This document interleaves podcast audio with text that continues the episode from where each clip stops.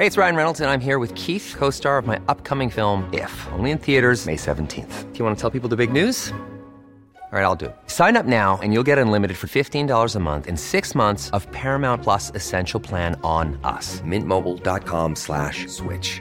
Upfront payment of $45 equivalent to $15 per month. Unlimited over 40 gigabytes per month. Face lower speeds. Videos at 480p. Active Mint customers by 531.24 get six months of Paramount Plus Essential Plan. Auto renews after six months. Offer ends May 31st, 2024. Separate Paramount Plus registration required. Terms and conditions apply if rated PG. Wow. Nice. Yeah. What you're hearing are the sounds of people everywhere putting on Bombas socks, underwear, and t-shirts made from absurdly soft materials that feel like plush clouds. Yeah, that plush. And the best part? For every item you purchase, Bombas donates another to someone facing homelessness. Bombas. Big comfort for everyone. Go to bombas.com slash ACAST and use code ACAST for 20% off your first purchase. That's bombas.com slash ACAST. Code ACAST.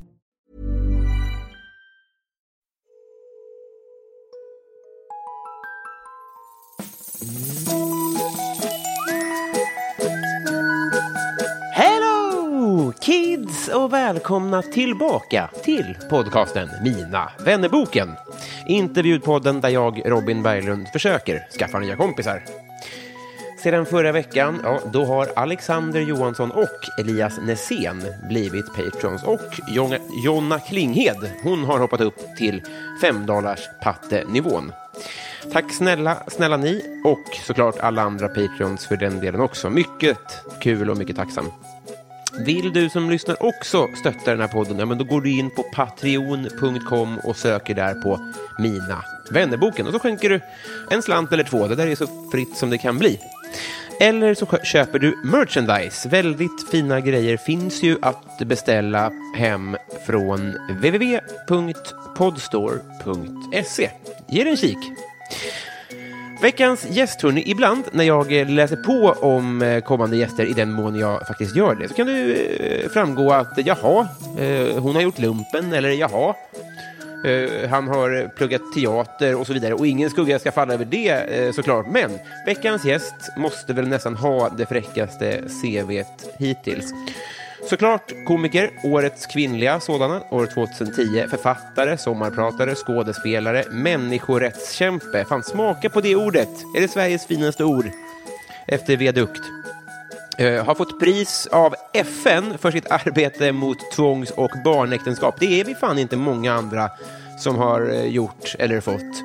Hon är ambassadör för Suicide Zero också. Hon är väldigt rolig och generös. När jag lämnade hennes lägenhet efter inspelningen då fick jag fem stycken nagellack och en näve dadlar. Det är vi fan inte heller så många som gör eller slänger med det när en gäst går. Det kan vi väl ta med oss.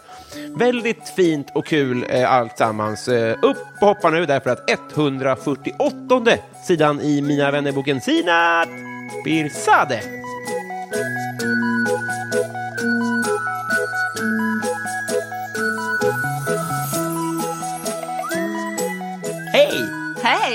Hur mår du? Jag mår bra för det mesta. Jag är lite så här, sån här typ som är mm, för det mesta glad och mår bra. Mm. Det är en sjukdom kanske. Bästa sjukdom? Bästa sjukdom man kan få. Glader. Jag, jag ska bara, för, för att sätta lyssnarna i eh, en, ett sammanhang och en miljö. Aha. Det, jag hoppas du tar den här komplimangen, men jag har aldrig varit i ett hem med mer saker i, i hela mitt liv, tror jag. Mer så. Alltså, det är helt... Jag vet inte om det är komplimang eller så här, you are harder, du måste titta på Maria Kondo, mina barn bara så här. Men det är ljuvligt, det är så fint här, det är helt... Eh... Tack! Jag reser mycket så jag samlar lite grejer och sen har jag flyttat från en jättestort i stort hus några år Mm. sedan hit. Ehm, och sen jag håller på allt eftersom göra mig av med grejerna men under tiden hinner man köpa lite nya roliga saker. Så det är som en ond trevlig cirkel. Liksom. Ja, det, var, det var därför det tog så lång tid för mig på toaletten. För jag var tvungen att titta på alla magneter och alla prylar som du hade bara Visst inne på det toaletten. Ja, det var helt fantastiskt. Jag har faktiskt uh, Sofia Loren äkta signatur där, såg du det? Fjäll. So- Sofia Loren, Är det sant? Ja. Den hann jag inte se då. en tavla. Du måste gå och kissa en gång till. Vi återkommer, jag måste bara kissa en timme till. Nej, men det är superinspirerande. Och vi fick, eh, du är så generös också. Du kom och så här, du vet Salt Bay, känner du till honom? Han virala som saltar så här. Så kom du med äkta saffran i teet här. Ja, det är så gott med saffran i teet. Jag, ska, jag har inte provsmakat det, men det känns så lyxigt bara. Nu ska vi se. Vad glad jag blir. Bränn inte dig bara. Jag lovar.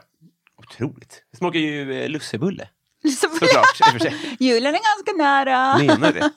Eh, det, det var, jag har mi- miljoner saker att prata om. Jag tänkte på en grej att eh, jag har hört en del intervjuer med dig. Ja, Eh, jag har ju träffat dig också, men just när man gör en intervju sånt, så det är så svårt för att jag tror att många av de som känner till dig, Ja. de känner till jättemycket om dig. De känner till din historia. Och känner man inte till dig så kanske man, eh, ja, då har man ju jättemycket och... Eh, ja, det är klart. eh, Men en sak har jag lärt mig av livet, liksom, man kan vara personlig men inte alltid privat. Mm. Det är en konst och balansgång är det faktiskt. Men jag känner liksom att jag vet att vi människor känner inte varandra Mm. förrän man har levt tillsammans. Eller har rest jorden runt tillsammans. Mm. För vi är så komplexa. mm. Det är det som är fascinerande.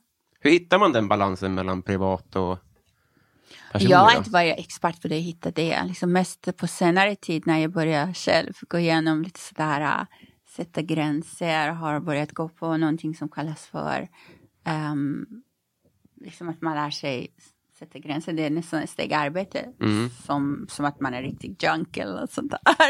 Det kallas för medberoende, Ja, just det. som man lär sig liksom att värna om integriteten och sånt. Men, just, men som terapi då, eller? Det är ingen terapi direkt, det är något som man jobbar med sig själv, liksom, i grupp med andra människor. Okej. Ja, det, är väl, det har hjälpt mig jättemycket i mitt liv. För jag insåg att jag alltid faller för um, män, män som har haft missbruksproblematik eller aktiva eller sånt där. Mm. Så, så, ehm, så jag insåg att jag kan inte liksom skylla på dem. Jag måste se vad är det som gör hos mig som jag hamnar där. Jag. Jag måste jobba med mig själv istället för att äh, lägga ansvaret på människor som är dysfunktionella och har med sitt och måste kämpa med sitt. Äh, att jag måste se min del i det hela. Så att, Jag förstår. Men, men vad, vad nu har vi hamnat på något annat. Typiskt mig. Jag är som politiker. Du ställer en fråga så svarar jag på något annat. Fast tvärtom. Du, du säger jättemycket om någonting annat istället. De säger ju ingenting. Nej, men de säger jätte, de pratar i timmar men inte så mycket som kommer fram. Exakt. Eh, Men eh, det går ju knappt att... eh, Nu ska vi bara prata liksom en kvart här, men det går ju knappt att... Det är ju orättvist mot ett så stort ämne. Men Mm, ja. din uppväxt då? Lite Ja. kort, att du växte upp i Iran. bland frukter och humlor och fjärilar och eh, en underbar pappa som var elitbrottare och jättestark och jättevacker och alla tjejer var kära i pappa och Mm. kvinnor kom och knackade på vår dörr och grät och på riktigt, alltså på riktigt. Var han kompis med kungen också? Var det så? Ja men nej, nej inte på det viset. Han fick, eh, han fick, du vet när man är elitidrottare och så, så han hade fått medalj av Mm. kungen. Vi hade den bilden sådär. Ehm, pappa har gått bort tyvärr, i, alltså lämnat oss i storsår i våras. Oj, jag beklagar. Ja, det var, tack. Han var så troende och så, han var redo sa han. Mhm. Det var inte en sorg, han hade mycket ont och sånt. Han hade fått cancer och hjärnblödning. Så att, um, och ändå var han väldigt rolig in det sista. Pappa var väldigt rolig. Jag har aldrig sett någon som skrattar så mycket, drar så många vitsar. Och när läkaren kom och sa till honom att du har inte så långt kvar och ehm, vi kan inte hjälpa dig, tyvärr Ali, du kommer att dö. Han sa, är det nu man började knarka? är det nu man beställer strippor? Och mamma sa, ah, jag beställer strippor, jag dödar dig själv. jag skrattar så mycket. Jag tänker på henne när jag försöker liksom sörja honom. Det blir, det blir ganska mycket leende som kommer upp. För att han det. eh, var så fantastisk. Det finns en bild på honom bakom dig. Eh, precis bakom den här. Jag ska, vänta, vänta, det Mm. finns massor med bilder med pappa överallt. Men jag tar fram den lilla här. Där! Här är mamma och pappa. Wow! I, Pappa, pappa kallades för persikoläppen. Av, alltså Hulu. väldigt Eh, stiligt. för han hade så otroligt liksom, stora fylliga läppar. Men är det en brottarmedalj han har där? Då? Ja, såklart. Gud, men var han, var, hur bra var han? Var, var det Han var OS-nivå? fantastisk. Ja, han var i Olympiaden 1972, men han var där som eh, tränare. Ah. Aha! Men det var inte han som kidnappade folk heller, för det var då det var kaos. Folk blev dödade. Vi var jättestressade. Nu blev jag osäker, var det 72 eller 74? Ja, Jag tror det är 72. Vi säger 72.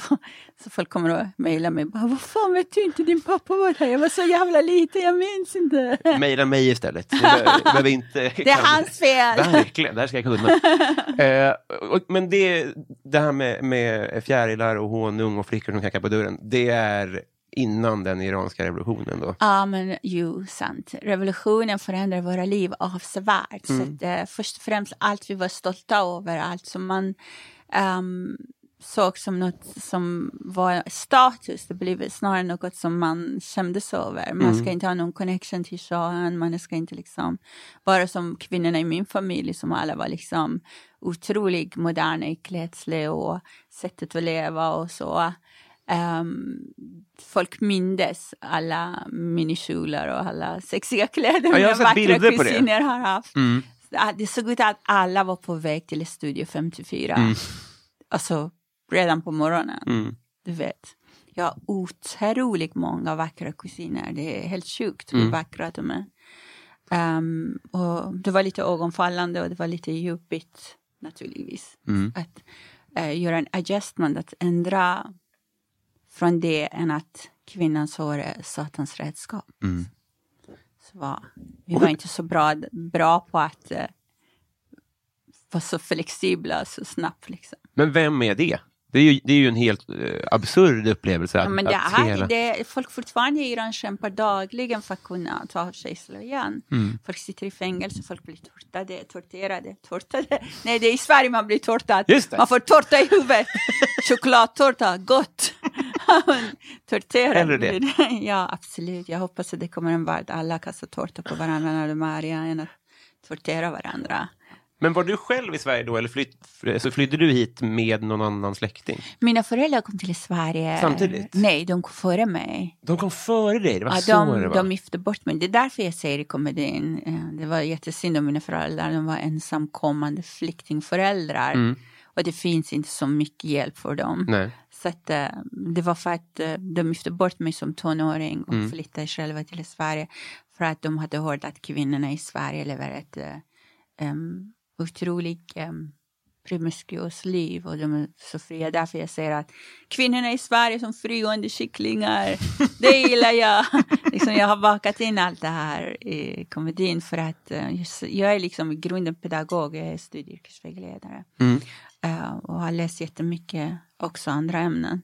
Så jag ser det som såna här um, upplysning-turné ibland. Så man, mm, jag tycker det blir lite så här man samtidigt försöker bygga broar, lära folk om varandras kulturer utan att um, salta på att det blir ännu mer fördomar. Man måste också kunna visa nyanser om i mänskliga möten. Mm. Saker som vi är faktiskt uppvuxna med. Det finns saker i Sverige som när man tittar tillbaka man kunde inte heller vara så jättestolt över. Det tog väldigt lång tid innan, innan eh, kvinnor fick rösträtt. Kvinnor fick rösträtt i Sverige senare än Iran till och med. Mm. Konstigt nog, man kan inte tro men det är sant. Um, och så man går på museerna, det är jättemånga kvinnor som faktiskt har sjal på huvudet. Man tittar på svenska kvinnor. Och, ehm, det var inte av religiösa grunder men det var liksom också liksom att man var... Det sexuella på något sätt. Som man... Inte det heller, jag tror det var lite mer kulturellt men eh, man kan förankra det ändå på kvinnors klädsel om att inte synas. Liksom. mm. Ja, du tänker så, just det. Ja, det handlar inte direkt om det mm, applicering av sexualitet som sker i våra länder. Nej. Så att, Men för jag håller verkligen, alltså, jag, har, jag har pinsamt dålig koll på många av de sakerna som du, eh, som jag har fått lära mig när jag har, när jag liksom lyssnat på dig och när jag har eh, läst på lite och sånt där. ja, det gör inget. Jag menar, Tycker du inte det? Jag tycker det är fantastiskt att du inte vet så mycket så det känns som att jag gör något god gärning nu. Och det är ju ett jättebra sätt att så på det. på karma. Det är det verkligen. Och saffran på det, det är två plus. Här får du också dadlar. Ja, jag, alltså, vilken fest vi har, hör du.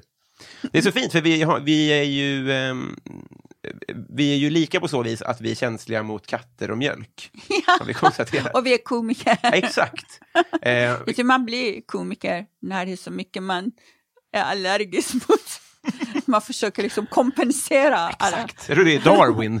Att vi har så mycket svagheter, måste lära oss att vara roliga i så fall. Precis, som de inte kastar ut oss genom fönstret.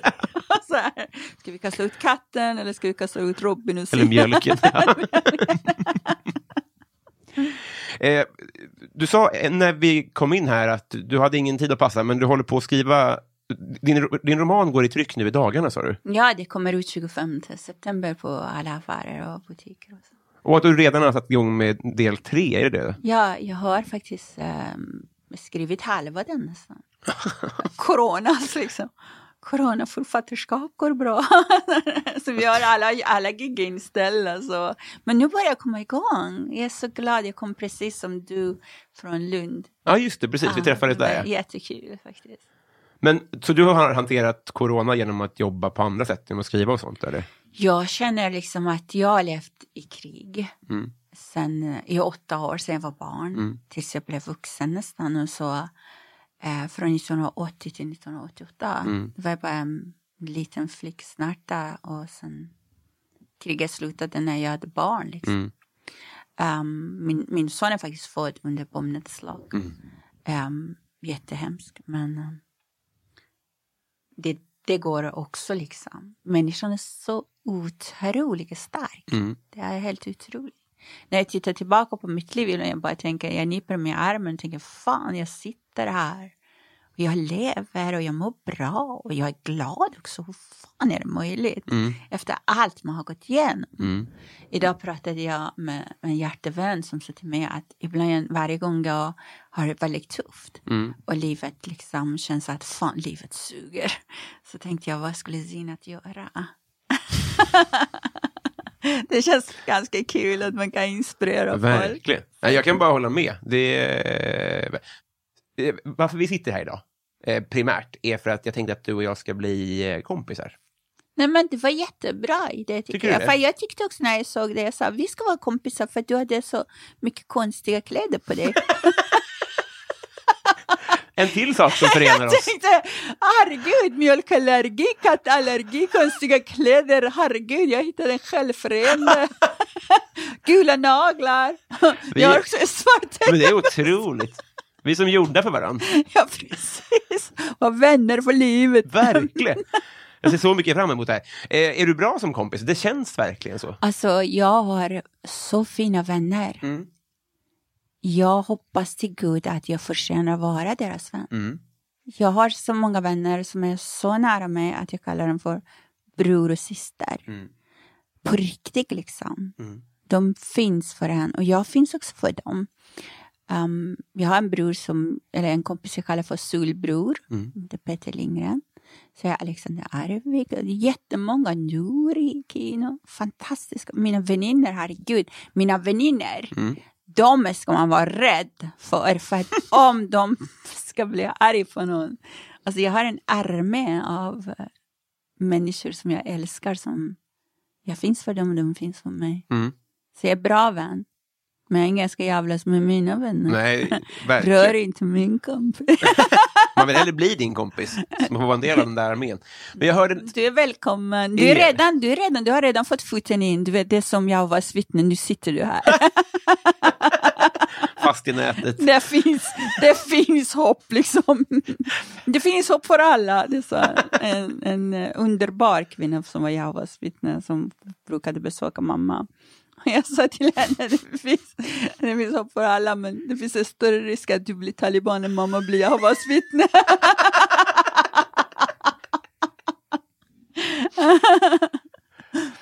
Det är otroligt. Men jag hörde, på tal om dina väninnor, jag hörde i någon intervju Ja.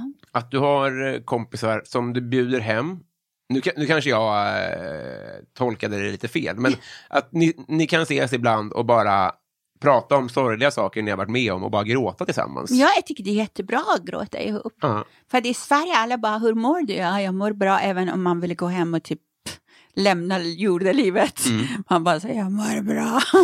Jag tycker vi måste prata om sorg, vi måste prata om svårigheter, vi måste gråta mera, vi måste skratta mera, skrika mera, bråka mera. Jag tycker liksom att jag har lärt mig i livet med svenska att desto tystare han är, desto argare han är. Hur får, man, hur får man människor att prata om sorg då? För Det är liksom det som är ganska bra. Vi människor vi är inte så olika. Nej. Vi liksom utgår ifrån en svensk, iranier, albanier, liksom, turkar, araber. Vi är inte det. Vi är, vi är jättelika Mm. varandra. Kolla på de, alla de här läten vi gör. Alla Mm. de här uttryck av känslor vi gör. Mm. Jag menar i glädje och sorg eller förväntan eller längtan eller uh, känsla av utsatthet och övergivenhet. De, det är så universella. Mm. Det hör till människans natur. Mm. Man, och samtidigt är det ganska bra att man tänker vad är det jag vill dela med mig? Men då gäller det att man känner sig trygg med de här människorna. För att skratta gör det inte lika avväpnat som att prata sorg och gråta ut. Nej. För då liksom, då du öppnar upp dig på ett sätt som kanske gör dig sårbar på ett sätt som du kanske inte vill vara sårbar framför vem som helst. Mm. Liksom. På det viset. Eh, det låter som någonting jag borde jobba på, känner jag. Vi får bjuda dig. Ja, jag- Men alltså, då får du ha burka och komma in för det är bara brudar här. Jag ska se vad jag har. han har långt hår och gul, na, gula naglar och blommigt kläder. Jag tycker vi tar in honom. In Vi kanske skulle behöva, vi kanske skulle behöva en kille också som öppnar upp sig och berättar om sina känslor. Jag tror att jag behöver er mer om jag ska vara ärlig. Eh, Jo, eh, nu eh, tänkte jag att det är dags. Nu ska vi bli kompisar tillsammans. Okej, Så jag drar i, eh, i, i jingeltråden här och sen så, så åker vi. det gör vi.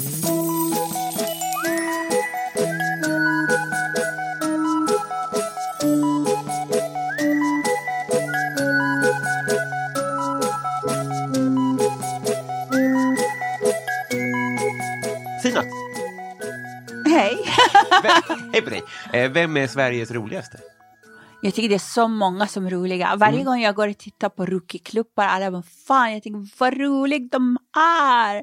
Alltså jag kan inte säga vem som är Sveriges roligaste för att den roligaste kan vara sämst en, en annan dag Mm. på scenen. Så det finns inte den sån definition, det blir så fel. Mm. Det finns så många bra komiker i Sverige. Det är helt sjukt. Men vad får dig att skratta då? Jag har lätt för skratt. Mm. Ehm, också till alla känslor egentligen. Mm. Men eh, jag tycker om när det är intelligent skämt. Mm. Och eh, när det är så lite också oväntat långsökt. Så Mm. det är inte något som man går till vardagen och tänker liksom. Så jag, jag tycker det blir väldigt eh, spännande när eh, också den personen har självdistans, Mm. bjuder på sig själv. Du hade jättemycket, jag blev väldigt överraskad när jag såg dig. faktiskt, var, jag hade in, inte, jag hade liksom inte trott att, det ska, att du ska vara så bra. Nej, men, Förlåt. Jag hade mina fördomar. Jag tänkte, Nej men han ser hippie ut. Är jag bara hippie eller är det roligt också? well, well, både och. Men för jag hörde dig någonstans prata om eh, att du har Karl Gerhard som förebild. Ja, Karl ja, Ja. är mina stora idoler. Jag har faktiskt hans kontrakt hemma. På riktigt. Men vad är det för kontrakt? Uh, då han hade skrivit mm, på, på kontrakt för ett arbete på teater. Ah. Och ehm, när jag hade föreläst Mm. så var han som var maskinist skickade den till mig. Gud. Originalet, den är inramat och nu faktiskt har jag hängt upp den på um, Piccadilly Circus som ett ställe jag har kallar för Piccadilly Circus. Så det är en del av ditt hem då? Nej, det är, eh, jag har en skrivlia också, en sån här, ett ställe som jag har startat upp för att det ska bli någon fristad för alla komiker. Men gud. Som målet är att vi ska träffas en gång i veckan och skriva och prata och såna grejer. Och där hänger Ja, precis. kontrakt. Det känns som att det här är tredje gången. Först var det din papp, bilden på din pappa med medaljen och sen var det, vad heter det, autografen på toaletten och sen var det kontraktet. Vad har du mer för prylar?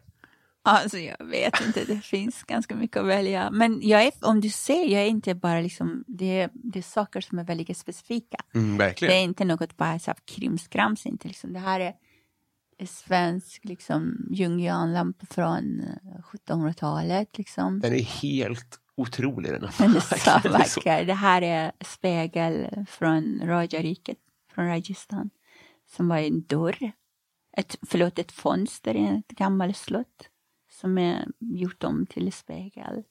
Så, så här, saker som är väldigt specifika. Och sen var det samovalen där ute. Samovaren. Ja, samovar, förlåt. Ja, det. samovar. Den var ju också, ja. Det jag, jag önskar att det här filmades nästan för att folk ska få se mycket fina saker. Jag tror att eh, det finns redan reportage av mitt hem på Sköna hem. Ah, Men jag har möblerat om och gjort om så nu, nu är den lite, lite mera, jag kör lite såna här Hollywood nostalgisk style just nu. mhm. Så att eh, det är jättemycket röda sammet och väldigt, väldigt varm och inbonad. Eh, håller med. Eh, vad blir du eh, orimligt arg på? Jag kan bli arg ganska fort. Mm. Rekommendation, om ni träffar en arg sinnad, spring för riven! Vad ska jag? Men det går över ganska fort. Mm. Liksom. Och mina barn brukar bre mackor till mig för de vet när mamma är arg, hon är hungrig. Men när de blir, när, när jag skriver på persiska, Mm. då vet de att det är riktigt, mamma är riktigt arg. Är det varningssignal? ja. ja, orättvisor kan göra mig väldigt arg Mm. utsatthet, människors utsatthet kan göra mig väldigt arg. Och så ibland jag är verkligen oresonligt och kan bli förbannad och arg när folk inte kan ta in andra, att de brist på empati. Och så tänker jag liksom att då blir jag den goda, goda på något sätt man är god, men man blir goda mobben. För att du vet, någonstans kan den här att jag vill vara en god person förvandlas till ego. Egot kan bli svin. Svinet kan liksom ifrågasätta människor på ett sätt som inte är okej. Mm. Så jag fick också liksom vara lite varsam med det här delen av mig själv. Till exempel när någon av våra komikerkollegor var liksom under anfall av alla som visste bättre, alla som är bättre. Och jag kände ju personen i frågan, jag tycker han är en fantastisk människa. Så jag bara insåg liksom att man kan inte bara hänga med det här och vi är goda, vi tycker det här är fel. Även om jag tyckte just den här grejen kanske inte var riktigt bra. Mm. Så jag, jag börjar liksom överväga nu det där eh, känslan av eh, ilskan man känner. Just det. För att det är, det är okej att vara arg, men det är inte alltid befogat att vara arg. Nej. Liksom. Det är också en del av sakerna som man blir lite bättre i att gå in med åren. Så, att, ehm, så det krävs ganska mycket för mig att bli arg nu för tiden. Jag är mera...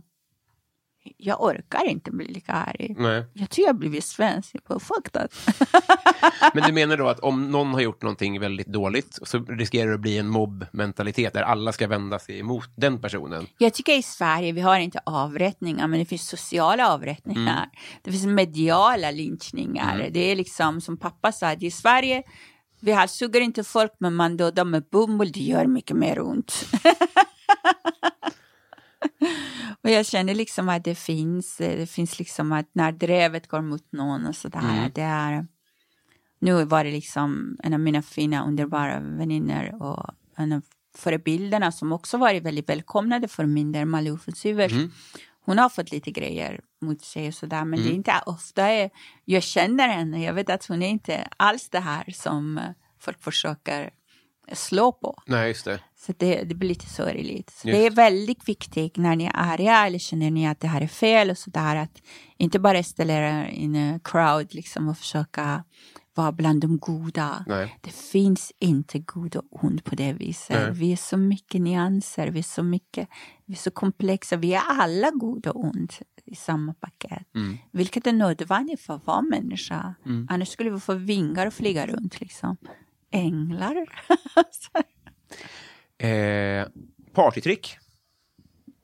partytrick. Eh, jag låter andra underhålla mig, annars måste jag fakturera folk. Touché. eh, vad är det ondaste du har haft?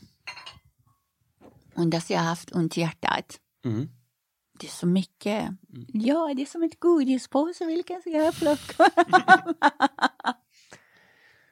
alltså, ondaste jag har haft. Liksom, jag är väldigt självständig. Jag tror att människor mått så. Jag har alltid tänkt att det skulle vara bra med människor om vi kunde vara som djur. Liksom. Att man typ parade sig, skaffade barn och så bara tackade jag. Liksom. Men sen, min dotter tog separationen och skilsmässan från min make väldigt hårt. Och liksom, jag känner vi vuxna, vi måste ha ansvar för våra egna tillkortakommanden. Men att se henne och lida så mycket och veta att pappa var otrogen, pappa bor inte här, pappa försvunnen. Pappa ringer knappast, eh, skickar video, han pratar om sin pappa som videofarsa. Jag vill inte prata illa om honom, hans liv är också lite som kaos, jag önskar honom all lycka. Äh, nu ljög jag. Nej, jag skojar inte. Jag vill bara att liksom, om han, är, han mår bra så han kan vara bättre pappa för vårt barn.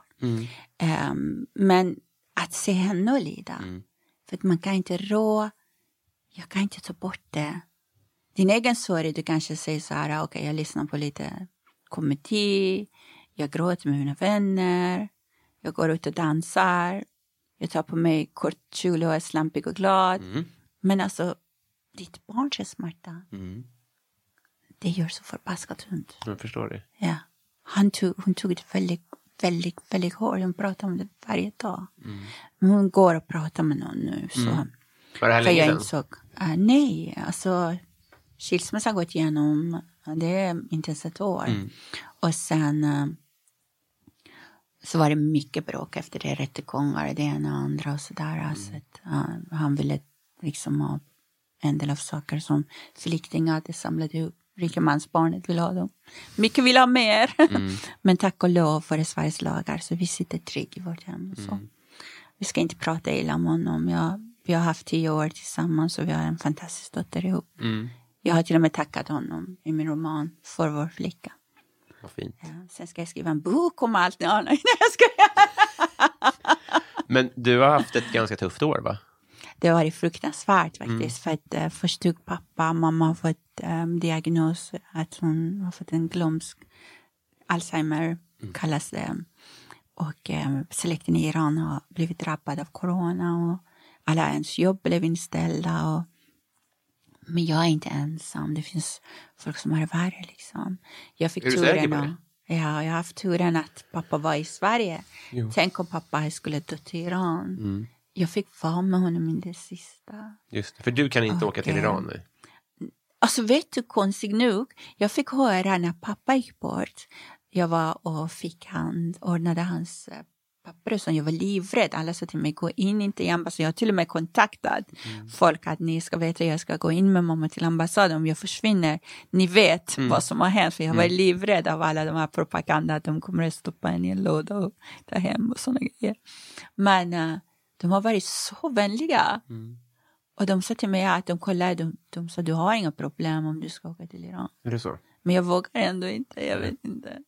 För att eh, när jag blev bortgift när jag var väldigt ung då, tonåring. Hur gammal var du då? Um, jag vet inte, 16, 17 så. Ah. Ehm, och den mannen jag blev bortgift med lämnade jordelivet så jag tror inte det finns någon där som eh, vill liksom göra någon bråk med mig. Liksom. Nej. Jag lämnade Iran som ensamstående mamma med min lilla son som, är, som du ser här, här uppe. Den här jättevackra mannen. min pojke Armand. Oh, wow, vilken Ja. bild. Ja, han är så himla fin. Och det var han som spelade huvudrollen i Allt jag inte minns av Jonas Hassan Khemiri. Um, det- Jösses. han gör musik också. Men du har släkt kvar i... Massor. Ja. Vi är en väldigt stor, varm, kärleksfull familj. Mm. Är det alla utom mamma och pappa som är där? Kvar där? Eh, nej, jag har min äldste bror här och jag har många brorsöner här, kusiner här. Om du söker på Pirzada, vi är nästan lika många som Andersson. nej, jag skojar. Det är inte kanske lika många, men på god väg. Vi är bra att multiplicera oss. Ja, ni är duktiga på det. Bra kämpat. Eh, vad tycker du om ditt namn?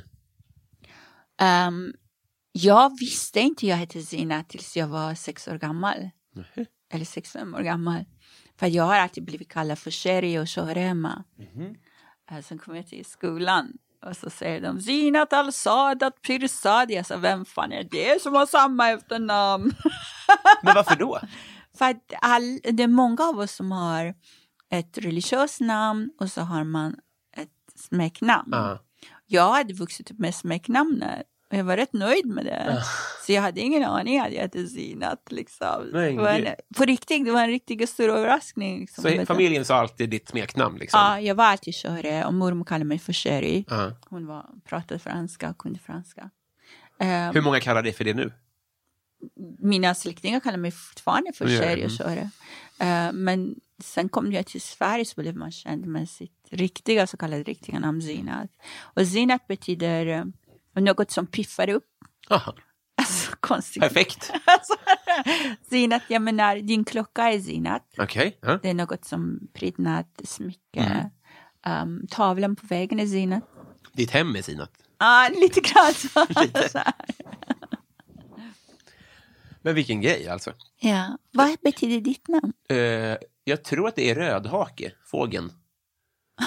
Faktiskt. Vad De sa det när jag var liten i alla fall. Jag har inte dubbelkollat. Jag ska men att du väl kolla det. Det var ju jättegulligt att ha fågelnamn. eh, när var du full första gången? Eh, I Lappland. Mm. Eh, därifrån jag har min föreställning Bakis i burka. Kommer liksom. Eh, jag provade lite hembränt. Eh, var det, När var det här då? det är i början av 90-talet. Mm. Jag provade bara. Mm. För att de sa man blir varm. Men jag minns inte. Gick fort då. Ja, ja. Vet inte om det är varmt eller kallt eller lagom kanske. Men blev, blev det fler gånger sen? Nej, faktiskt inte. Jag är inte Many of us have those stubborn pounds that seem impossible to lose, no matter how good we eat or how hard we work out. My solution is PlushCare. PlushCare is a leading telehealth provider with doctors who are there for you day and night to partner with you in your weight loss journey. They can prescribe FDA-approved weight loss medications like Wagovi and Zepbound for those who qualify. Plus, they accept most insurance plans. To get started, visit plushcare.com slash weight loss. That's plushcare.com slash weight loss. Here's a cool fact a crocodile can't stick out its tongue. Another cool fact you can get short term health insurance for a month or just under a year in some states. United Healthcare short term insurance plans are designed for people who are between jobs, coming off their parents' plan, or turning a side hustle into a full time gig. Underwritten by Golden Rule Insurance Company, they offer flexible, budget friendly coverage with access to a nationwide network of doctors and hospitals. Get more cool facts about United Healthcare short term plans at uh1.com. så mycket för sånt. Nej. Dessutom, jag behöver inte bli packad för att dansa. Och så när jag är på fester, de tror ändå att jag är den som är mest packad. För jag är den som har roligast. Ja. Vilken tur ändå. Ja, jag är ganska billig i driften. Förutom magneter då. ja, precis. Kylskåpsmagneter. Men det var ju roligt. Jag älskar det där. De flesta människor behöver mer kärlek än de förtjänar. Ja, jättefint. Det är jättebra. Eh, vem får du ofta höra att du är lik? Herregud, jag orkar inte. det finns en persisk sångerska som Okej. heter Susanne Roshan. Mm. När jag är i USA jag måste skriva autografer Är istället det för henne. sant? Ja, de bara blir helt, folk blir bara galna. Förlåt om jag smackar, jag äter dadlar. Det får är de stå ut med. Jag skojar, det är inte så det låter. Jag bara överdriver lite här. Nej, Susanne Roshan heter hon. Ja. Eller Susanne Roshan. Och ni är så kan- lika att folk kommer fram på gatan när du är utomlands. Otroligt. Det är jättekonstigt. Ska vi be klipparen klippa in några sekunder av Sus- Sus- Susanna Roshan? Susanne Roshan. Susanne Roshan.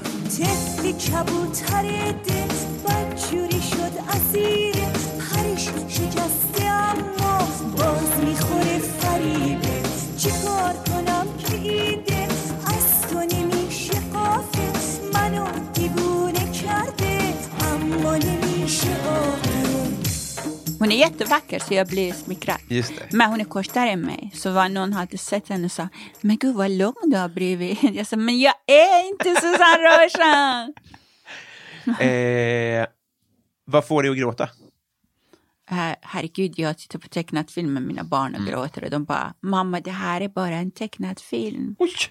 Nu fick jag en kattröv i ansiktet. Här. Väldigt fin. Ja, det är Birma, det heliga Birma.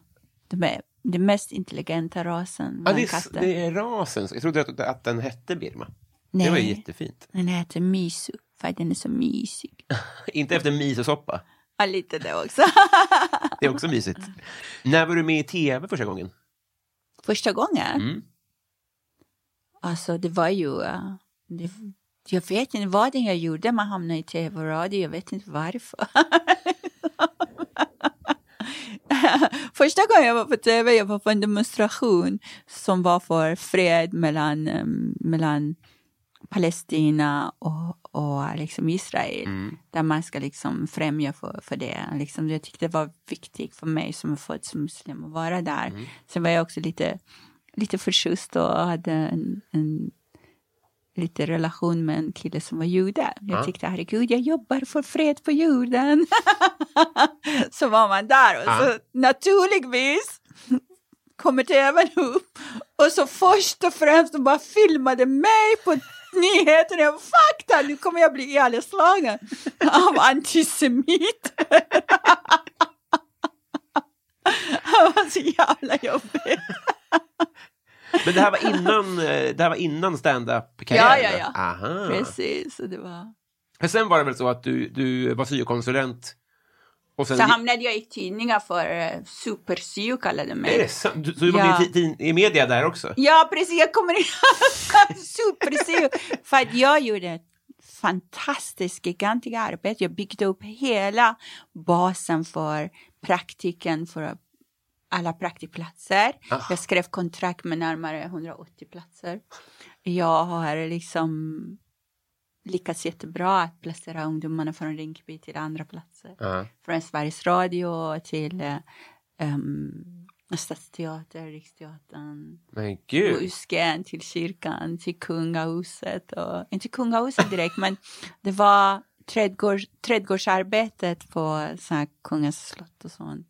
Alltså, och det var roligt, jag tänkte skicka två av killarna till jobba som trädgårdsmästare där. Det var Elisabeth Taras då, hon var fantastisk, vilken kvinna och, och välkomnade det här och ta emot praktikanter från Rinkeby med öppna armar. Och så jag ville skicka ungdomarna. Och det var två killar, jag sa ni kan vara där och hjälpa med rätt, rätt, kungens trädgård. Jag sa ja, vi vill inte gå och jobba för kungen. Han är inte riktig kung. Han har ingen makt. Han kan inte avrätta någon. Han har ingen makt alls. Liksom. Jag, bara, Jävla krav. jag vet inte om de drev med mig eller de menade det. Men den här platsen var vakant. Det är ofta ingen som vill jobba med kungen. Så jag var så stolt över den platsen. Så hade jag gjort också någon annan sak som uppmärksammades och det var det att eh, när det var gymnasievalet, det var så mycket avhopp, det kostar samhället enorma pengar. Okej. Så jag började med gymnasieinformationen till mina ungdomar redan från sjunde klassen. Så när de kom till nian, de kunde allt om gymnasievalet. Och sen valde jag de mest stökiga gangsterkillarna och tjejer också som är jättetuffa tjejer och många av dem är enormt framgångsrika idag. Och jag lärde upp dem hur man söker gymnasieval och så fick de ta ansvar för att lära ut de andra saker. Så fick de varje dag, de hjälpte andra och då fick de biobiljetter. Så som, som rektor Börje hade ordnat, Börje Strand, så att uh, fantastiskt kul. Jag Fan, älskar cool är, ungdomarna. Nej! Jo, men på riktigt. Är Nej, jag älskar ungdomarna och, um, så, och Björn Ranelid var på vår skolan och skrev en bok som heter eh, David Puma och drottning Silvia och där har han skrivit också en hel kapitel om mitt arbete. Va? man är med på riktigt i boken. Det är jättehäftigt, jag är jättetacksam över det. Sen har han varit lite mentor i skrivande Ah. för mig. Så. Men eh, jag älskar syjobbet, jag fortfarande arbetar lite som studievägledare. Du gör det? Alltså. Ja, men eh, mest blir det kändisar jag träffar som undrar om de ska göra om, studera om eller vad ska de satsa på sånt. Lite mer som coach. Mm. Wow, alltså. Eh, då ska vi se här. Eh, vad, vad väljer du för karaoke-låt? Alltså, det blir alltid bangles. Mhm. jag älskar den låten. Vilken är det? Nu ska jag sjunga för er. Ja, Har ni, ta fram ett glas vatten, Mm. två Alvedon.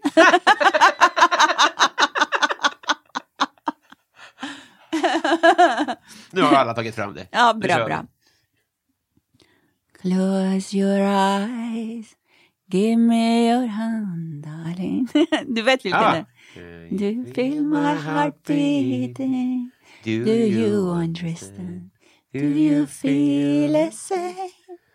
Am I only dreaming? Is this burning? Wow! Give the flame kommer sen. Liksom. Vi borde göra en duett. Ja, vi gör det. Vi kör kanske stand-up, vi kör roliga skämt och Så. komedi. Absolut. Jag har en låt jag skriver som heter, i och med att jag blev så trött att eh, Ester vill skicka till oss hem hela tiden, så jag höll på att skriva en låt som heter Jimmy och hem. Wow! Har du den i föreställningen? det kommer. Gud, jag längtar alltså. Vad roligt. Man vet inte, kanske jag måste gå och sjunga på Mello. Jag Ska jag bjuda med Jimmy, han får vara med. Ja, ni får köra duett istället. Det är bättre. Han är nog mer tonsäker än vad jag är. Han ser ut som iranier. Så det är det som är roligt. eh, nu ska vi se. Eh, Kändiscrush. Kändiscrush. Tyvärr de som jag har crush på döda.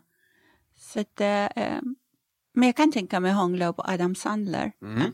För han är så jävla rolig. Mm, verkligen. Det, där har du chans, tror jag. I Zoolander liksom. Eh, nej, han var inte med i. Var han? Nej, det var... Vänta nu, vad heter han nu då? Det var inte Adam Sandler. Nej. Men du blandar också alltid ihop dem. Det Jag känns som samma ihop. person.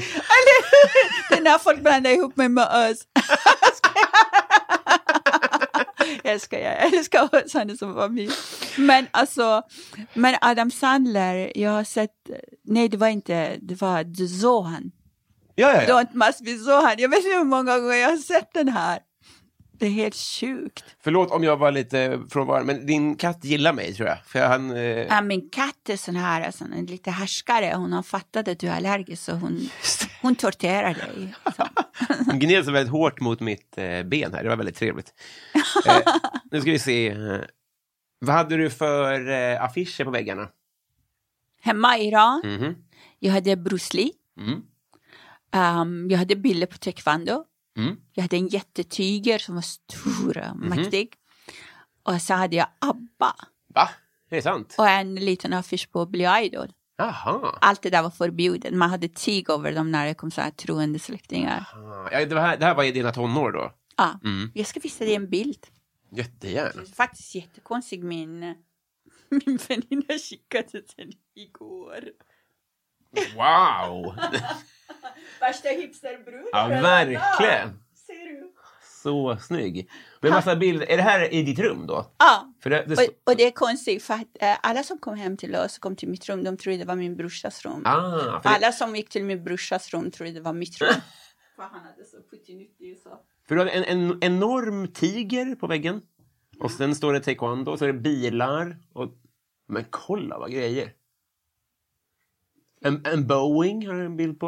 Ja, och så har jag dödskallar. Också. Och det här var då, hur gammal kan du ha varit här då? 15? 15. Ja. Shit. Och det här var superförbjudet, mycket av det här då antar jag? Absolut. Otroligt ändå. Gjorde det mer spännande eller var det läskigt liksom? Det gjorde mycket mer spännande. Allt som förbjudet. Ja. Jag vet inte vad det är, människans natur. Mm. Vi är liksom rules, rules breaker. Vi, allt som är förbjudet. Till exempel om man gör forbidden comedy. Mm. Jag tror att det är många som kommer att komma på den. Ja. Liksom. Eller hur? Verkligen. Det är en bra klubbnamn faktiskt. Ja, Eller hur? Verkligen. Forbidden comedy club. Det är jättehäftigt. det, det, var, det är väldigt spännande det där. Men kom det folk och knackade på då ibland? Hur funkade det? Hur, hur hölls folket i schack liksom? Nej, jag menar, min släkt var inte någon som angav varandra eller någonting. På det viset min släkt är väldigt lojala mot varandra. Men det finns andra, andra som har angivit till och med sina föräldrar. Ja. Liksom. För att... För att till exempel de har, åh mina föräldrar har vin hemma. Mm. Sådana grejer. Så att barnen blir hjärntvättade. Ja, just det. Det är lite som Gestapo. Ja, gud vad läskigt alltså. Har du varit i Rom med alpin? Um, jag har varit i rum men inte just alpin. Nej, Romme eh, i Borlänge. En skidort som ligger... nu har du lurat mig bara Ja, rum kanske. på alpin. Så finns det Alperna i rum liksom. Det var lite långsökt. Nej, faktiskt inte. Men jag var i Borlänge, men inte just Ja, just det. där. Eh, nu har vi kommit fram till eh, Patreon-frågorna. Nu är det alltså lyssnare som har eh, stående frågor. Okej. Så nu drar vi den gingen så kollar vi vad de har att fråga. Patreon. Vi börjar med eh, Daniel Melin. Han undrar då, vilken är din mest kontroversiella åsikt? Mest kontroversiella åsikt är, jag tycker liksom att man ska låta ungdomarnas föräldrar ha också tillsyn när det gäller deras vård och omsorg av dem. För att när de fyller 13, då liksom som förälder kan man inte liksom ta del av deras journal eller hjälpa sina barn eller ringa och boka tider. Jag tycker att det vore bra om som förälder man skulle kunna, så länge de bor hos en, ha lite så här tillsyn och ansvarstagande för deras eh, hälsa och välbefinnande. Det där att barnens egen sfär och eg- egna liksom, åsikter. För all del, men jag tycker liksom som förälder man måste kunna veta liksom vad som händer med ens barn för att kunna finnas för dem. Det är kanske inte riktigt, riktigt svensk åsikt, men det är min personliga uppfattning. Det låter ju vettigt när du säger det. Men du menar då att när man fyller 13 i Sverige, då har barnet, då är det bara barnet självt som kan se sina journaler och sånt? Ja, Eller? precis. Och läkare och sånt antar jag? då? Ja, precis. Jag tycker liksom att kanske om barnet tillåter, jag tycker att all, all respekt för barnets integritet, men om barnet tillåter en så får man veta vad som händer med ens barn. Det är konstigt så länge barnet bor under sin tak. Tänk om mitt barn lider av någon sjukdom eller någonting jag inte vet eller kan finnas till eller hjälpa. Eller man känner sig lite så här undanknuffad av eh, staten på något vis som förälder. Att man blir omyndigförklarad som förälder. I liksom, jag kanske missuppfattar det hela men man får inte ta del av journalen eller ringa och liksom prata om barnet och sådana grejer. Ja, just det. Eh, Jag tycker det är lite för tidigt på något vis. ja, det, när du säger det så håller jag med. Sen, sen har jag Tack. dålig koll. Eh, Jag har kanske också dålig koll men det tror jag inte. Eh, nu ska vi se, vi tar Victor Busell. Han undrar favoritlåt just nu. jag har liksom fastnat jättemycket för Kite just nu. Mm. Jag lyssnar jättemycket på dem just nu och det är liksom många av deras låtar är liksom mina favoriter. Så att eh, Vill du säga? jag ska spela upp. Jag letar för- jag spelar upp den för dig. Om du säger vad den heter så kan min klippare lägga in den här. Aha, det, jag vet inte. Be, be, be, bägge älskar jag, men just den här är min absoluta favorit som det I give you the morning. Ja, det låter väldigt härligt. Då, då sätter vi på den då.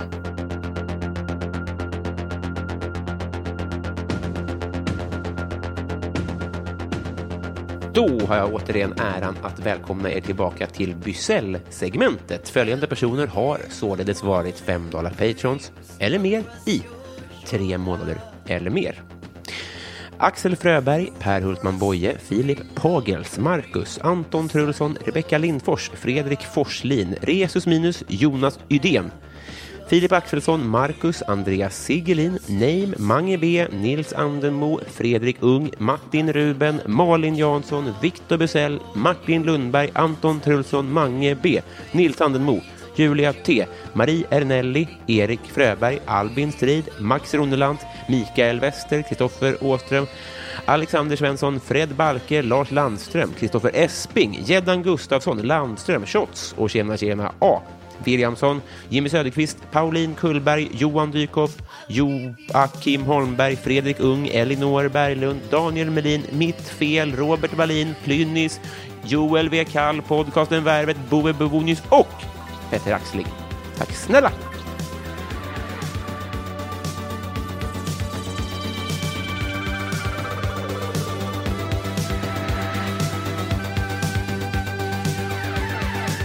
Finns en fantastisk video till den som Fredrik Estrada har klippt ihop. Aha. Som jag älskar den här videon. Det handlar om en...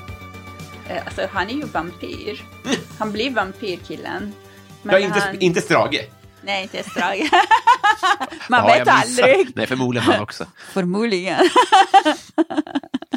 han blir aldrig gammal, det måste vara. Det är, någonting är Han, det. han ser ut att alltid vara 18 år fortfarande. Och Han är ganska blek. Precis. Han, bara, han är väldigt vit. Jag låter lite rasistisk nu. Han är så vit. Till och med snön känner sig väldigt mörk. Nu ska vi se. Kristoffer Triumf, han undrar eh, vad är det dyraste du äger förutom eventuell bostad och fordon? Um, um, den är så exklusiv och den är så dyrt och den är så habegärligt att uh, vi hemligstämplar den. Oh. Men den är från 1700-talet och det är handgjort och det kommer från Frankrike.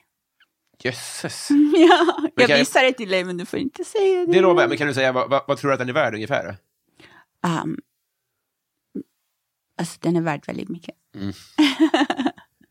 Du blir väldigt nyfiken här. Men det, ja. Eh, då ska vi se. Och sen undrar han också, eh, säg en död jävel du hade velat träffa. Det finns ganska många. Mm. Jag skulle jättegärna velat faktiskt, det finns så många kända personer man är nyfiken på. Men jag skulle gärna vilja träffa min lilla farfar. Den där korta lilla mannen som kom till Iran, gifte sig med stans längsta tjej, köpte en gård som var förbannelse över, ingen vill vara där för alla hade dött där inne på ett eller annat sätt. Och startade upp hela vår familj. Lilla gubben. Men varifrån kom han då? Ja, det finns lite så här att han kommer från Ukraina, 1900, 1918. Jösses. Ja. Du har väldigt bra koll på din släkt, låter det som. Jag har pratat jättemycket med pappa. Pappa Ja, det- pratade ryska, Aha! men inte jag. Så den där lilla gubben då? Från Ukraina? och han har skaffat 12 barn och, och han äger massa, ägde en hel gata. Han köpte allt där och satte upp sitt eget namn. Och när de sa du kan inte namnge gata efter dig, han sa jag äger allt. Alla hus, alla affärer, jag äger all, allt. Det här är min gata. Och min grön.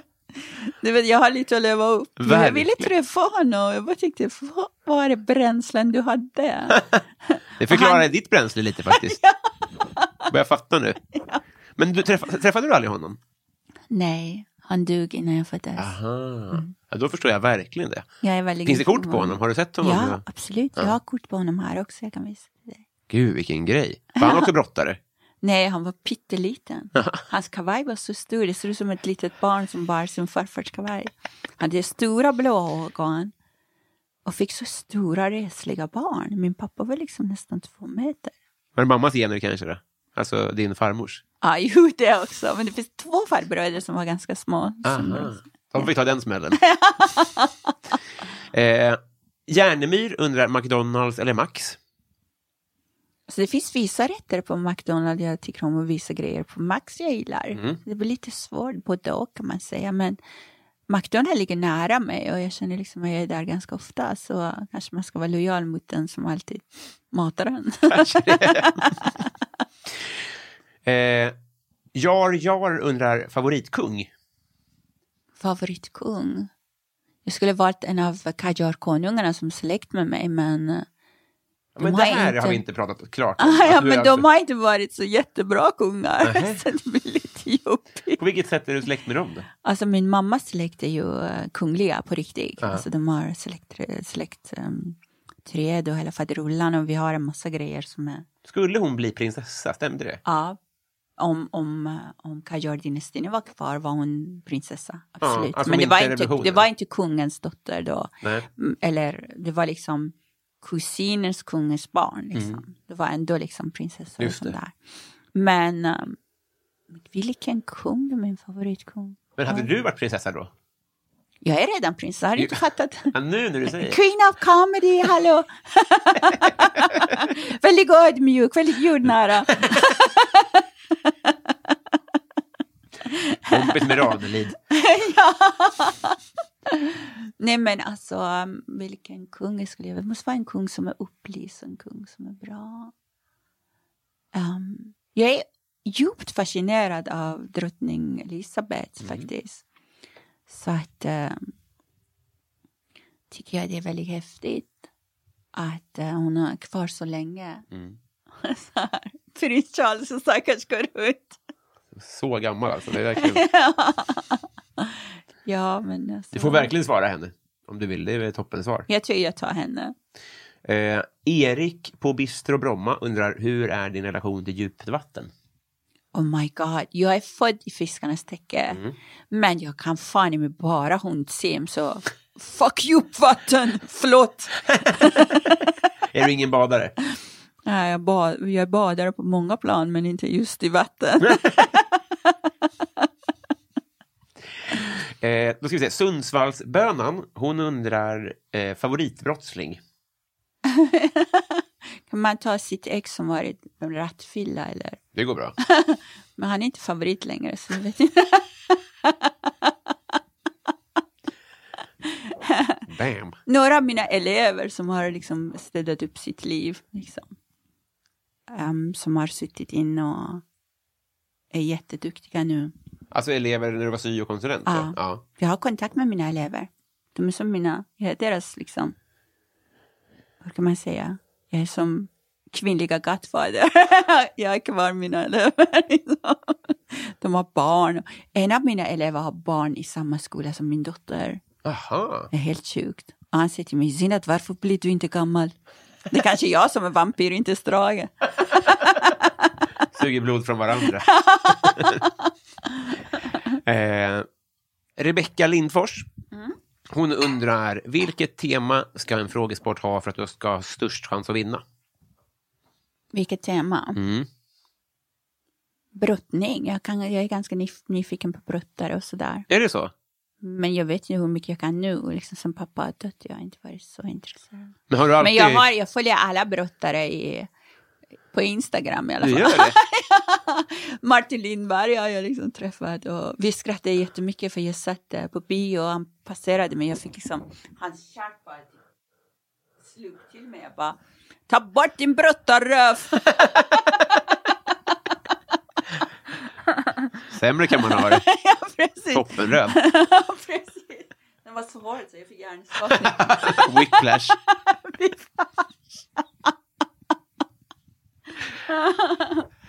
Men vilken grej, men går du på tävlingar och sånt där eller? Har du alltid varit intresserad? Um, jag är intresserad, men tävlingarna i Sverige, vi har inte så mycket så här riktigt professionella också, så här stora tävlingar. Och så. Det skulle vara intressant att gå på den och så. Men Roligt svar, jag är väldigt glad. eh, eh, Melvin Söderqvist undrar, om du fick förändra en sak med hur du växte upp? jag skulle nog förbereda min mamma Mm. För att uh, den ekonomiska kraschen som kommer av revolutionen i våra liv, Mm. skulle inte krascha henne. Den gjorde det alltså? Ja, mamma kunde inte ta det. Nej. För att eh, liksom från att det, det, Shakespeare säger när fattigdom kommer in genom dörren så rymmer kärleken genom kärleken, rymmer genom fönstret. Han har säkert snott den av någon, men han har skrivit ner den så vi säger det var han. Eller Ranelid. men i alla fall, det som hände var liksom att mycket har gått i krasch i vår familj. Mm. Och eh, hoppet bytte sig mot uh, mörkret, till försikt ändrade sig till hopplöshet. Det drabbade hela familjen. Mm.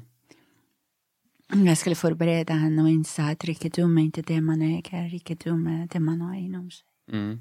Och det har faktiskt gett mig det här att jag har, inte ens när jag var utvisningshotad flykting, inte ens när jag sålde blåbär med min lilla son för att klara livs, livshinkan, inte ens då jag kände mig fattig. Nej. Fattigdom är en känsla som pengar inte kan, inte kan ta bort. Mm. Liksom.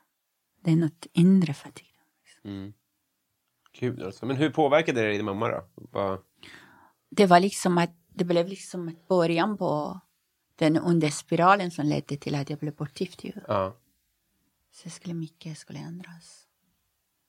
Eller jag skulle kanske stoppat hela revolutionen om Jo, jag kunde. Det skulle vara mycket lättare kanske. Men hur var det när ni återförenades i Sverige, du och dina föräldrar? um, jag måste säga, jag älskar mina föräldrar. Jag älskar min kära mamma. Jag förstår hennes... ehm, eller jag har accepterat hennes tillkortakommande. Det har varit en lång väg dit. Liksom. Det är många som säger till mig, "Hur kan ni vara vänner? Mamma sitter nu och väntar för att jag ska beställa taxi till henne. Så hon kan komma hit. Hon har ringt mig tio gånger för åtta på morgonen. Så, är det nu jag ska komma? Är det nu? och hon är rar, elegant, kärleksfull. Hon har lidit. När en människa drunknar kan inte lyfta andra. Nej. Jag har förlåtit den. Eh, svårt, svårt att byta ämne nu, men jag ska försöka. Ehm, Vi pratar ändå i skjorta. det kan vi göra. Jättevackra. Nej, men tack. Eh, vi kan ta Simpajonen som undrar om du har några knäppa vanor. Bara några eller? Hur många vill du ha? Max tre. Ska jag knäppa vanor? Jag måste, jag måste kamma mitt hår innan jag lägger mig. Mm. Jag måste borsta tänderna innan jag går på scen. Alltså på riktigt. Ja. Det, fa- jag fattar, Jag det känns har alltid tandborste och Ja. tandkräm med mig. Och jag är alltid, strax innan jag ska gå på scen, bara en minut kvar känner jag att jag tror jag är kissnödig. jag tror det är många komiker Ja. grejen för att toaletten är alltid upptagen. Precis innan också. det är så Precis irriterande. innan. Och på morgonen, Ja. fast jag är glad och pigg, jag vaknar med leende och sådär, men jag tycker inte om när folk pratar så mycket Nej. runt om mig. Jag vill ha lite, lite soft morgon. Och sen, ja, när jag ska börja skriva och sådär, Mm. Jag måste dansa först. Mhm.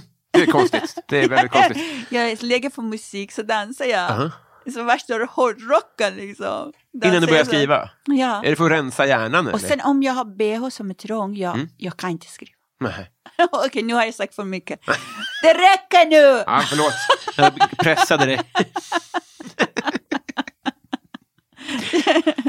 Eh, då tar vi eh, David Wallhult som undrar Singo, elefant, eh, det, Singo Elefanta och Pepsi eller Cola. Singo, Mm. det är mer riktig apelsinsmak på den. Det är eller hur? Eller hur? Och det är lite mindre kemikalier om Mm. man som mig studerar vad det finns i Ja. grejerna. Det kan jag tänka mig att du gör. Precis. Pepsi eller Cola. Jag tycker liksom att ehm, det spelar ingen roll. Ofta om man byter flaska på dem, man vet inte vilken som är vad. Mm. Eller hur? Samma. Så det som är, jag brukar köpa Cola Zero faktiskt mest. Mm. Mm. Det är lite mer tillgängligt än Pepsi. Det är fler butiker som säljer Cola Just det. faktiskt. Mm. Eh, David Sundin, vår kollega, han undrar om du bara fick äta en pizza för resten av livet. En vad? Pizza. För du och jag är mjölkallergiker. Samma här. Så Vi kommer dö. Liksom. Det kommer vi göra. Vi kommer... Det blir verkligen en pizza för livet. Wow! Svaret är ja. Det beror på hur mycket liksom geggamoja man har på det.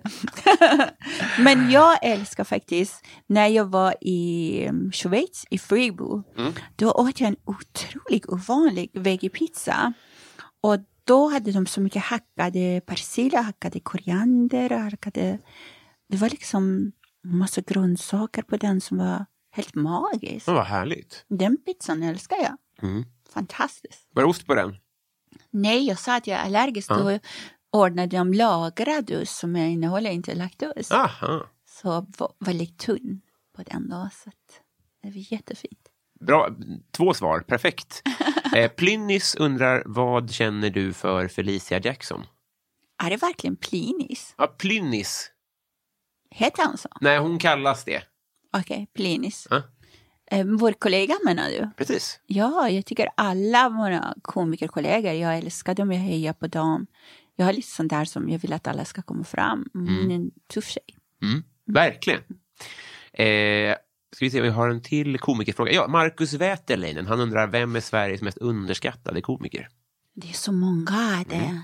Det är så många så jag får nästan ont i hjärtat. Men det är så jävla bra komiker. Så, Varför har du inte eget tv-program?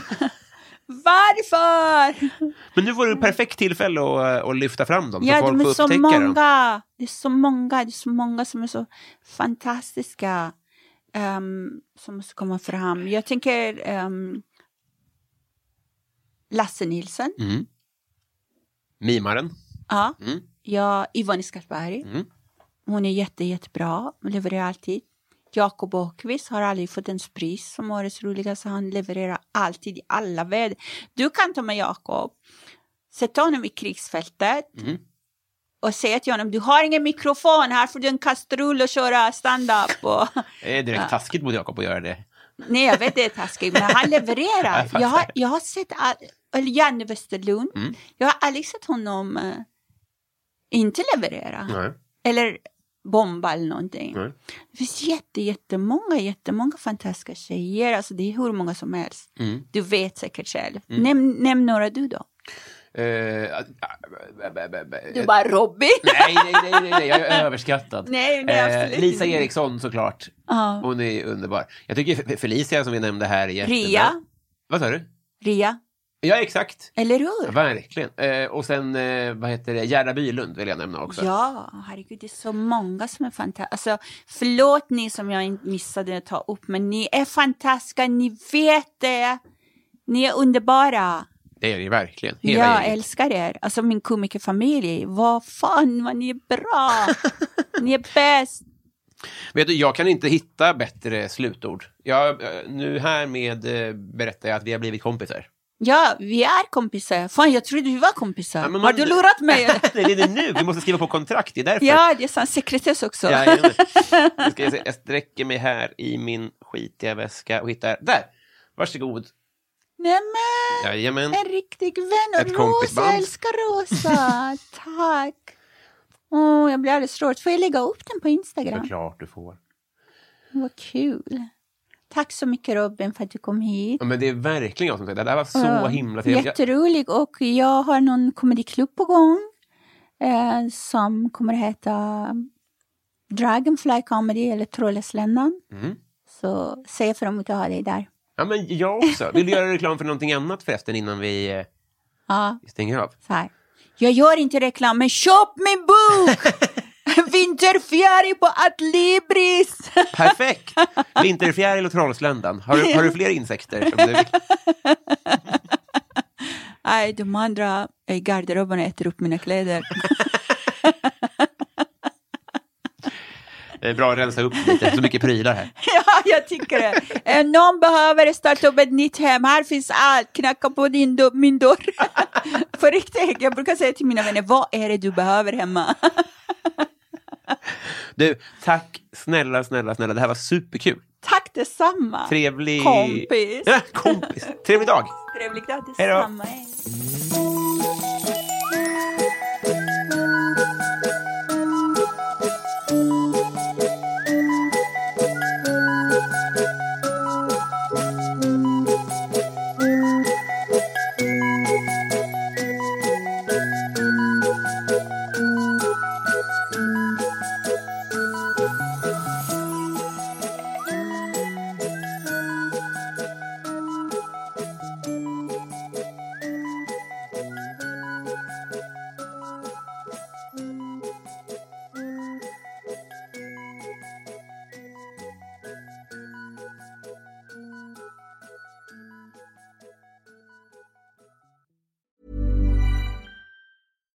Catch yourself eating the same flavorless dinner three days in a row? Dreaming of something better? Well, HelloFresh is your guilt free dream come true, baby. It's me, Gigi Palmer. Let's wake up those taste buds with hot, juicy pecan crusted chicken or garlic butter shrimp scampi. Mm. Hello Fresh. Stop dreaming of all the delicious possibilities and dig in at HelloFresh.com. Let's get this dinner party started. Even when we're on a budget, we still deserve nice things. Quince is a place to scoop up stunning high-end goods for 50 to 80% less than similar brands. They have buttery soft cashmere sweaters starting at $50, luxurious Italian leather bags, and so much more. Plus, Quince only works with factories that use safe, ethical, and responsible manufacturing. Get the high-end goods you'll love without the high price tag with Quince. Go to quince.com slash style for free shipping and 365-day returns.